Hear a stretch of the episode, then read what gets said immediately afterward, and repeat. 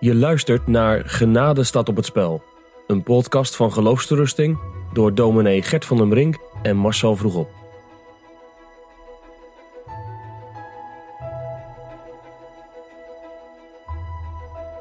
Er zijn denk ik best wel wat mensen in, in, binnen de gereformeerde gezinten die uit, nou, uit vrees of, of uit terughoudendheid voor het Arminianisme extra benadrukken dat het 100% het werk van God is en eh, nul van ons. Uh, hij in ons, uh, zonder ons. En daar heb ik een stelling uh, opgeschreven. Zalig worden is een eenzijdig godswerk. En ik dacht, daar laat ik Gert op reageren. Ja, um, eenzijdig zei je? Ja. Ja, precies, eenzijdig. Ja. die stelling? Ja, dat is eenzijdig. Je kunt, je kunt niet zeggen dat je daarmee de Bijbelse boodschap in zijn volle kracht en in zijn volle evenwicht brengt. Het is een eenzijdige opmerking. Want het is, het is niet zo dat God alles eenzijdig alleen zonder ons in ons doet. De wedergeboorte doet God zonder ons in ons. Dat zeggen de Dordtse leerregels. Maar we hadden net ook al, hoofdstuk 3, 4, paragraaf 12. Hè, dan vervolgens brengt dat ons er wel toe dat het niet anders kan of wij zullen daadwerkelijk geloven. Dus die tweeslag is heel belangrijk. God begint dat werk zonder ons in ons. Hij is niet van mij en van jou afhankelijk als hij ons wil, uh, de wedergeboorte wil geven. Uh, maar als hij dat doet, dan schakelt hij de mens niet uit, maar schakelt hij de mens in. Dus ja, uh, van sommige dingen kun je zeggen dat het eenzijdig godswerk is, de wedergeboorte, maar niet van alles. Mm. En waarom dat belangrijk is, hè, de Dordtse leerregels in hoofdstuk 1 dan vertellen ze dat God de boodschappers zendt tot wie hij wil en wanneer hij wil. En dan in hoofdstuk 1:4, degene die dit evangelie niet geloven, op die blijft de toorn van God. Maar die het aannemen en de zaligmaker Jezus met een waarachtig en levend geloof omhelzen, die worden door hem van de toorn van God en het verderf verlost en met het eeuwige leven begiftigd.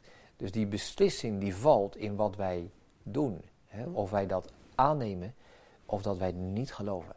En die uitdrukking, het is een eenzijdig godswerk, die zou dat kunnen uh, verbloemen. Hè? Het maakt wel degelijk uit of wij, hoe wij reageren op dat evangelie. Het is geloof of ongeloof. En dat antwoord bepaalt onze eeuwige bestemming. Hm. Maar uh, wat is in dit alles dan de, de, de rol van de Heilige Geest? In dat geloven of niet geloven? De Heilige Geest geeft dat geloof, maakt dat wij kunnen geloven, helpt ons zodat wij zullen geloven. Je kunt er heel veel dingen bij zeggen. Maar je kunt nooit zeggen dat de Heilige Geest gelooft. Of dat de Heilige Geest zich bekeert. of dat de Heilige Geest berouw over zijn zonde heeft. Dat, dat is te dwaas voor woorden. Ja. ik ben het die berouw he heeft. ik ben de persoon die gelooft. Ik ben de persoon die zich bekeert. Dus de Heilige Geest is daar wel nodig, maar neemt niet mijn plaats in om dat te doen. Mm. Uh, die acta liggen hier, dat dikke boek. Uh, en allerlei van die afgevaardigden, die halen allemaal een bepaalde uitspraak van Augustinus aan. Aan de hand van Filippenzen 2, werkt dus zelfzaligheid. Dan zegt Augustinus, uh, wij zijn degene die werken en God is degene die in ons werkt. Mm.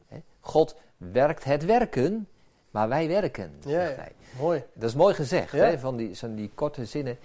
Dus we moeten die, die tweeslag houden. En als je dat laat samenvallen en zegt het is een eenzijdig godswerk, God doet alles. Ja, dan heb je niet de Bijbelse boodschap in zijn evenwicht en in zijn kracht verwoord. Dat op zichzelf, dat laatste wat je zegt, dan heb je de Bijbelse boodschap niet in, in zijn evenwicht uh, verwoord. Dat is op zich volgens mij al ernstig genoeg. En toch stel ik er een vraag over. Van, ja, wat is het probleem als je met volgens mij hele goede bedoelingen uh, dat eenzijdige werk van God zo sterk wil benadrukken. En het dus ja. zegt dat het, werk van God eenzijdig is in alles. Ja.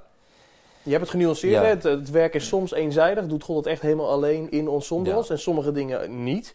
Daar zie je een verschil tussen de ene kant de geest die werkt en de andere kant ons. Hè, wij die, Nou, je hebt het net gezegd. Precies. Maar... Um, nou ja, met regelmaat zullen mensen die uitdrukking eenzijdig godswerk eh, bedoelen als gaande over de wedergeboorte en dan van harte mee eens. Hmm. Maar als mensen die uitdrukking eenzijdig godswerk toepassen op alles, dan gaan er dingen mis. Dus, Maar wat gaat, kun je het illustreren? Wat gaat er dan mis? Nou, dan, dan, dan maak je mensen denk ik leidelijk. Hè, dan denk je, ja, ik moet maar afwachten. Ik, heb geen, eh, ik kan er niks aan doen. Het is God alleen die het doet. Ik word uitgeschakeld. Nee, zeggen de Dordtse leerregels voortdurend. Gebruik de middelen die God gegeven heeft en waardoor hij zeker zal Hm. werken.